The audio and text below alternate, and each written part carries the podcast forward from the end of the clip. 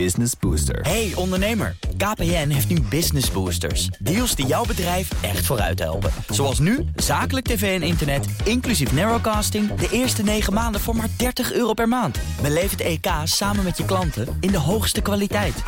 Kijk op kpn.com slash businessbooster. Business Booster. BNR Nieuwsradio. Boekenstein en de Wijk. Hugo Reitsma. Welkom bij Boekenstein en de Wijk. Het is dag 650 van de oorlog in Oekraïne. En na de zelfs voor een Boekenstein en de Wijk zeldzaam deprimerende aflevering van gisteren rijst de vraag: hoe verder? Ja, ja. daar moeten we over praten. we over praten. Ja. ja. kijk, sommige mensen zeggen van het gaat nu allemaal zo slecht. Hè? En uh, kunnen we nog creatieve dingen bedenken om uh, Oekraïne te helpen? En een daarvan is natuurlijk... En lid te maken van de NAVO of van de Europese Ja. Unie. Ja, dat is natuurlijk een punt wat, wat vaak genoemd wordt. Hè? Dus heel controversieel. Hè? Uh, en we hebben nu een uh, artikel van Kurt Volker, Bringing Ukraine into NATO Without World War III. Hè? En dan moeten we even zeggen dat uh, de ambassadeur Kurt Volker was dus NAVO-ambassadeur 2008 tot 2009. Van Amerika. Ja, van Amerika. En hij was ook uh, uh, re, uh, Special Representative for Ukraine Negotiations 2017-2019. Ja, ja, is een bekende. Ja. ja. En nu is hij dus Fellow, Distinguished Fellow van het Center for European Policy Analysis. Nou, een artikel. En hij zegt eigenlijk, om even te beginnen, er zijn eigenlijk drie denkfouten, zegt hij. Het eerste denkfout dat eigenlijk het NAVO-beleid moedigt Poetin juist aan om de oorlog voor te zetten. Want Oekraïne mag pas lid worden als Poetin stopt met die oorlog. Ja, ja. Dus, dus het is veel beter zo als de NAVO zou zeggen van no matter what Putin does, he will never defeat Ukraine. We zullen hem altijd steunen. Dus hij pleit eigenlijk toch om dat NAVO-lidmaatschap eerder te doen. Mm-hmm. Nou, hoe doet hij dat dan? Artikel 5, die bijstandsclausule, is een hele vage clausule. Heel vaag over wat een collectieve respons is. Mm. Dus het is niet een automatische tripwire van inzet van grondtroepen. Er zijn ook nog andere opties. Hè? Nou, tweede denkfout zegt hij. Poetin zal escaleren als NAVO de lidmaatschap van Oekraïne aanbiedt. En dan zegt hij van ja, god, hij heeft, hij heeft de, hel, de helft van zijn Russische conventionele leger heeft hij al verspeeld. Hè? En hij is toch niet geëscaleerd. De aanval op een NAVO-lidstaat, het is gewoon suicide als hij dat doet. En het kernwapen heeft geen militair doel. En het leidt ook tot een directe respons, dus dat zal hij niet doen. Mm. Ja, daar moet ik zo over praten. En het derde is dat het NATO-lidmaatschap van de Oekraïne zou een trigger zijn voor Poetins agressie. En dat is, dat is ook onzin, want in, dat gold in 2014 en in 2022 was er geen enkele kans op een Oekraïns NAVO-lidmaatschap. En toch heeft, is de invasie daar geweest, hè? 2014, 2022. Dus hij nou, zegt... Weet je, uh, ja, Jan, zoals ik het lees, uh, is hij niet direct een voorstander van direct NAVO-lidmaatschap, maar wil hij nee. alvast wel veiligheidsgaranties uh, geven. Hmm. Ja. En, uh, en, en dat, is, dat is een nuance, ligt dat, ligt dat anders. Um, en dat kan ik me inderdaad voorstellen. En hij zoekt dus inderdaad naar veiligheidsgaranties, waardoor de Derde Wereldoorlog niet direct uitbreekt.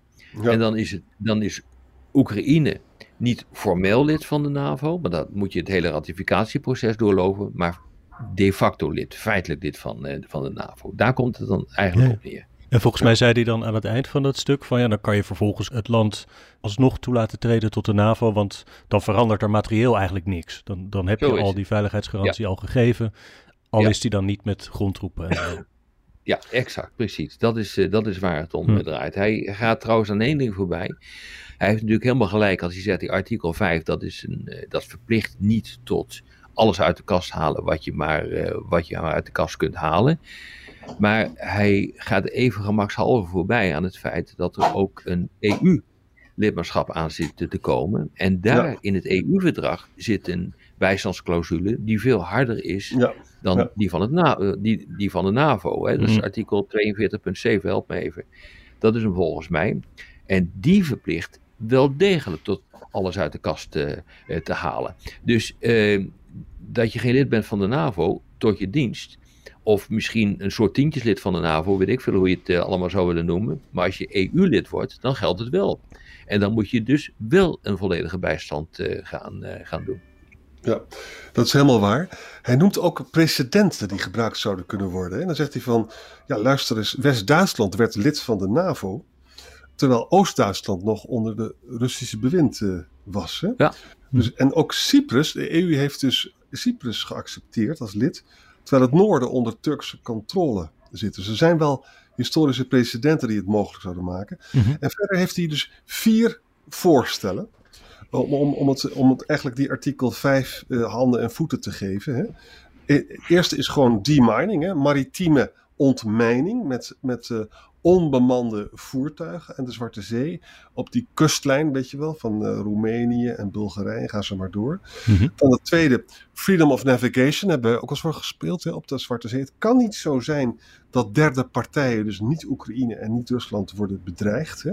Dus die moeten dan eigenlijk beschermd worden, die schepen van derde partijen.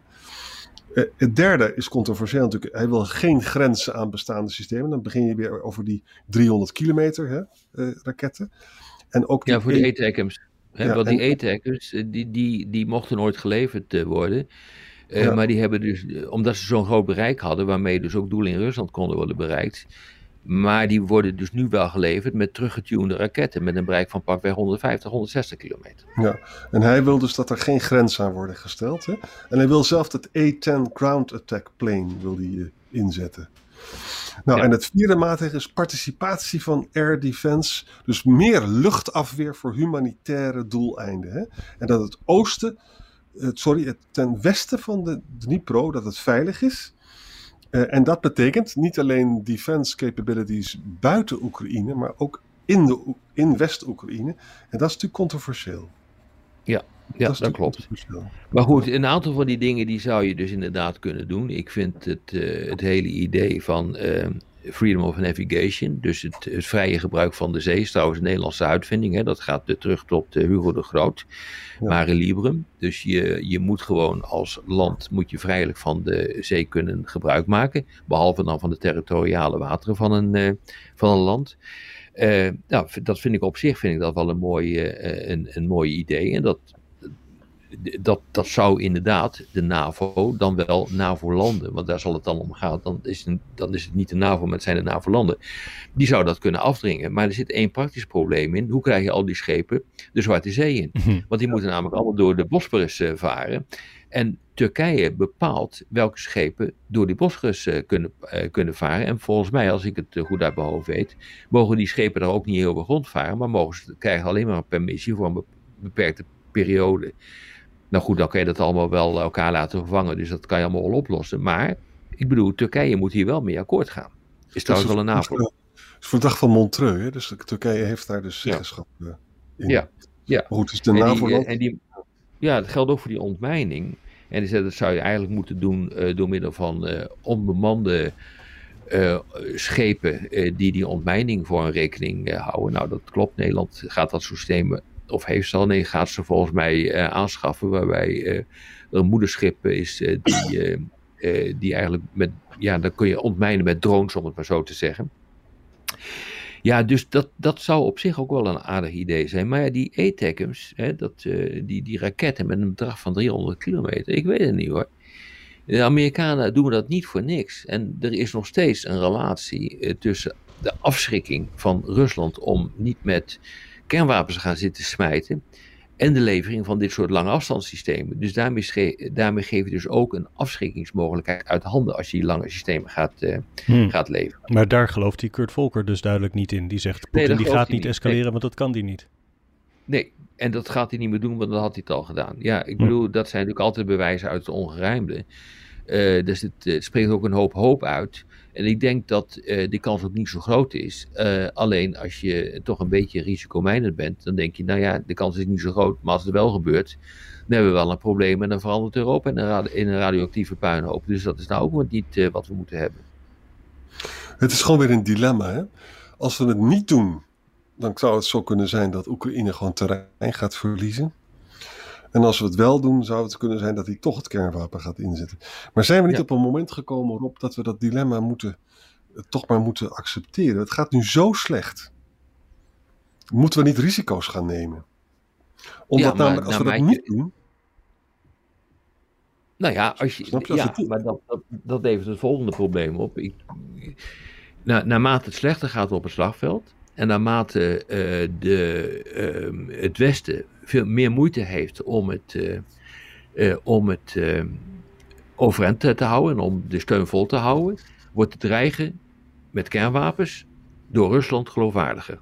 Hm. Dat moet je ook realiseren. Hè, dus naarmate wij het slechter doen, eh, wordt de kans dat Rusland dit ongestraft kan doen groter. Hè, dus, eh, nou, ik zou daar dus liever niet op willen gokken, eerlijk gezegd. En dan, moet je, dan kom je dus bij, eh, eh, bij de, de grote vraag of de Europese veiligheid, de veiligheid van de NAVO-landen, daarmee gediend is. Hm. Ik, kan, ik kan er eerlijk gezegd niet direct een antwoord op eh, geven. Nou ja, volgens mij geef je het antwoord, toch? Eh, Nee. Dus dan, dan is het misschien ja, je- uiteindelijk eh, ja. pech voor Oekraïne. als je, ik denk dat objectief gezien dat zo is, maar politiek gezien en ook, eh, laten we zeggen, wat het sentiment is in de meeste Europese landen, is dat een no-go om dat eh, te willen. Ja. Dus je zit daar gewoon met een onoplosbaar probleem. En dan moet je dus maar hopen, jongens, dat Oekraïne die over kan gaan op de defensieve strategie. Dat ze dus vasthouden. Dat Poetin er niet doorheen weet te beuken. En dan maar hopen dat ze op een gegeven moment gaan praten over een staakt het vuren. Ja, dat is denk ik de, de, de strategie op dit ogenblik. Uiteindelijk zal er gesproken moeten worden. Of je het leuk vindt of niet. En of je eraan toe bent of niet. Maar nou ja, het is ook een, echt een cliché. Maar elke oorlog eindigt aan de onderhandelingstafel. Ook Ja. als een van de partijen wint. Dus eh, een totale bezetting van, eh, van Oekraïne door Rusland, dat zit er denk ik niet in. Want daar heeft eh, Rusland de middelen niet voor. Hij Hm. kan niet volledig mobiliseren. Ook al hebben we gisteren geconstateerd dat hij het aantal soldaten op 1,3 miljoen gaat brengen. Eh, op het moment dat er geen directe dreiging is van de NAVO, kan hij dat niet mobiliseren. Dat soort aantallen eh, soldaten. Dus hij moet dan door blijven modderen op, eh, de, ja, op de ingeslagen weg. En dat is precies wat we op dit ogenblik zien. Ja, dus, Ja. En daarmee kan hij nooit het hele land eh, bezetten. En dan, en dan is dus die demining niet zo gek. Hè? Je probeert dus Odessa dan te beschermen. En dan moet ook daar geld verdiend kunnen worden. Ja. En dan, dan hopen we maar... Nou ja, dat is natuurlijk een belangrijk punt. Hij zegt, kijk, dit doe je dus ook eh, om het, eh, het bruto binnenlands product, dus de economie van eh, Oekraïne met pakweg 25 miljard dollar te doen groeien. Want daardoor wordt ook een deel van de hulp die het Westen op dit ogenblik geeft overbodig, want dan kunnen ze het namelijk zelf betalen. Eh, Hmm. Dus kijk, dit is natuurlijk het eeuwige probleem wat je hebt. Veiligheid en economische ontwikkeling gaan gewoon hand in hand. Dus als je het land wil opbouwen, het land eh, wil eh, beveiligen om het te laten ontwikkelen, ja, dan zul je dus ook moeten nadenken over een NAVO-lidmaatschap of over dit soort acties om ervoor te zorgen dat eh, Oekraïne zo wordt beveiligd dat het economisch kan gaan groeien. Ja. En wat dit nog kan frustreren is dat iedereen doodsbang is dat in de winter een enorme kruisrakettenaanval komt op de energieinfrastructuur. Hè? Daar is iedereen bang voor. Ja, alleen de grote vraag is hoeveel eh, van die raketten eh, hebben de eh, Russen dan nog? We weten ook dat zij problemen hebben met hun initiële capaciteit. Ze kunnen initieel denk ik wel het aantal aanvallen gaan intensiveren, maar ook heel erg lang houden ze dat ook niet vol. Want ik heb tot nu toe niet echt een berekening gezien of een, een, een goed verhaal gezien waaruit blijkt dat die eh Oekraïnse of sorry, die Russische wapenindustrie al helemaal op volle toeren draait hoor. Ik heb hem nog niet gezien. Hm. Oké. En we weten ook niet hoeveel Patriots er nou zijn om ze te beschermen. Nee, ik weet, nee dat zal denk ik wel bekend zijn, maar ik, eh, ik heb die cijfers niet. En ze staan met name rondom Kiev, hè? heb je altijd uitgelegd. En, en Nou ja, goed, Patriot-systemen die, die, die parkeren rond, eh, rond dat soort eh, doelwitten. Die kun je niet aan het front eh, gebruiken. Daar, daar zijn ze niet geschikt voor. En die gebruik je ook niet om een drone uit de lucht te schieten. Want zo'n Patriot-raket is veel te duur. Die gebruik je echt over, om inkomende raketten en mogelijkerwijs vliegtuigen die eraan komen. om die af te schieten. Daar gebruik je Patriot-systemen voor. En je hebt dus een, een meerlaagse eh, luchtverdediging nodig die bij wijze van spreken begint met stingers op de grond aan het front en eindigt eh, met dit soort eh Patriot-systemen rond de steden. En die moet je er bij de grote steden hebben. Kiev, Odessa, Lviv. Ja, maar dan zijn er altijd nog wel grote steden over, want zoveel systemen zijn er helemaal niet om het hele land te kunnen beschermen. Ja. ja. Zorgwekkend allemaal. Als ik jullie zo hoorde, is er dus in theorie wel wat meer mogelijk misschien. Zoals het helpen Ja. met het ontmijnen van de Zwarte Zee. Maar ja, politiek Is, is eerder de vraag of we de, de huidige hulp wel volhouden. Met al het gedoe in Europa en de VS. Met uh, het lange termijn vastleggen van steun aan Oekraïne. Ja, ik heb gisteren ook uh, Stoltenberg uh, geciteerd. Ik uh, doe het nog maar een keer. Die zijn zorg heeft uitgesproken. Die heeft gezegd: we moeten ons toch voorbereiden op moeilijke tijden. Dat heeft onder andere hiermee te maken. En ik denk dat hij helemaal gelijk heeft. Ik schaam mijn ogen uit me kapot als de nieuwe Kamer echt dat EU Joint Budget gaat blokkeren. Echt, ik vind het echt vreselijk. Nou ja, en of, of dat de Kamer misschien, ondanks dat ze dat helemaal niet zo bedoelen, de Russische kaart gaan spelen. Ja. ja dus, nou, maar dat is natuurlijk het hele punt. Hè. Je kunt dus wel zeggen van, uh, we spelen de Russische kaart niet en we zijn tegen Poetin en we zijn voor Oekraïne. Maar je kunt ook vervolgens kun je maatregelen nemen, puur gedreven vanuit uh, nationale politiek, waardoor je zegt van nou, we steunen dit soort budgetten niet meer. Of we steunen uh, bepaalde acties van de, van de NAVO niet meer. En dan denk je dat je het goede doet voor Nederland, maar je speelt Rusland daarmee in de kaart. Je zorgt ervoor dat Oekraïne verliest. En je ondermijnt daarmee de hele Europese veiligheid. Nou, die discussies heb ik nog nooit gevoerd. En ik moet je eerlijk denken, eerlijk zeggen, dat ik denk, maar Arjan, corrigeer me als ik uh, fout zit, dat deze discussie te ingewikkeld is voor de, uh, de gemiddelde politi politicus uh, die, die Nederland rijk is. Ja, maar, maar goed, ik zou toch hopen dat Casper Veldkamp, je zou toch ook hopen dat Pieter Omzicht toch, maar ja, we gaan het Kamerdebat afwachten. Ja. Ja, ja, ik, uh, hoop, uh, ik hoop met je mee, maar, uh, maar aan hoop heb je vaak niet zoveel hoor. Nou, lekker nou, weer. Lekker toch? Ja. ja. bedankt dan maar weer hè. Ja, ja tot morgen. morgen. Business Booster. Hey ondernemer, KPN heeft nu Business Boosters. Deals die jouw bedrijf echt vooruit helpen. Zoals nu, zakelijk tv en internet, inclusief narrowcasting... de eerste 9 maanden voor maar 30 euro per maand. Beleef het EK samen met je klanten in de hoogste kwaliteit. Kijk op kpn.com slash businessbooster. Business Booster.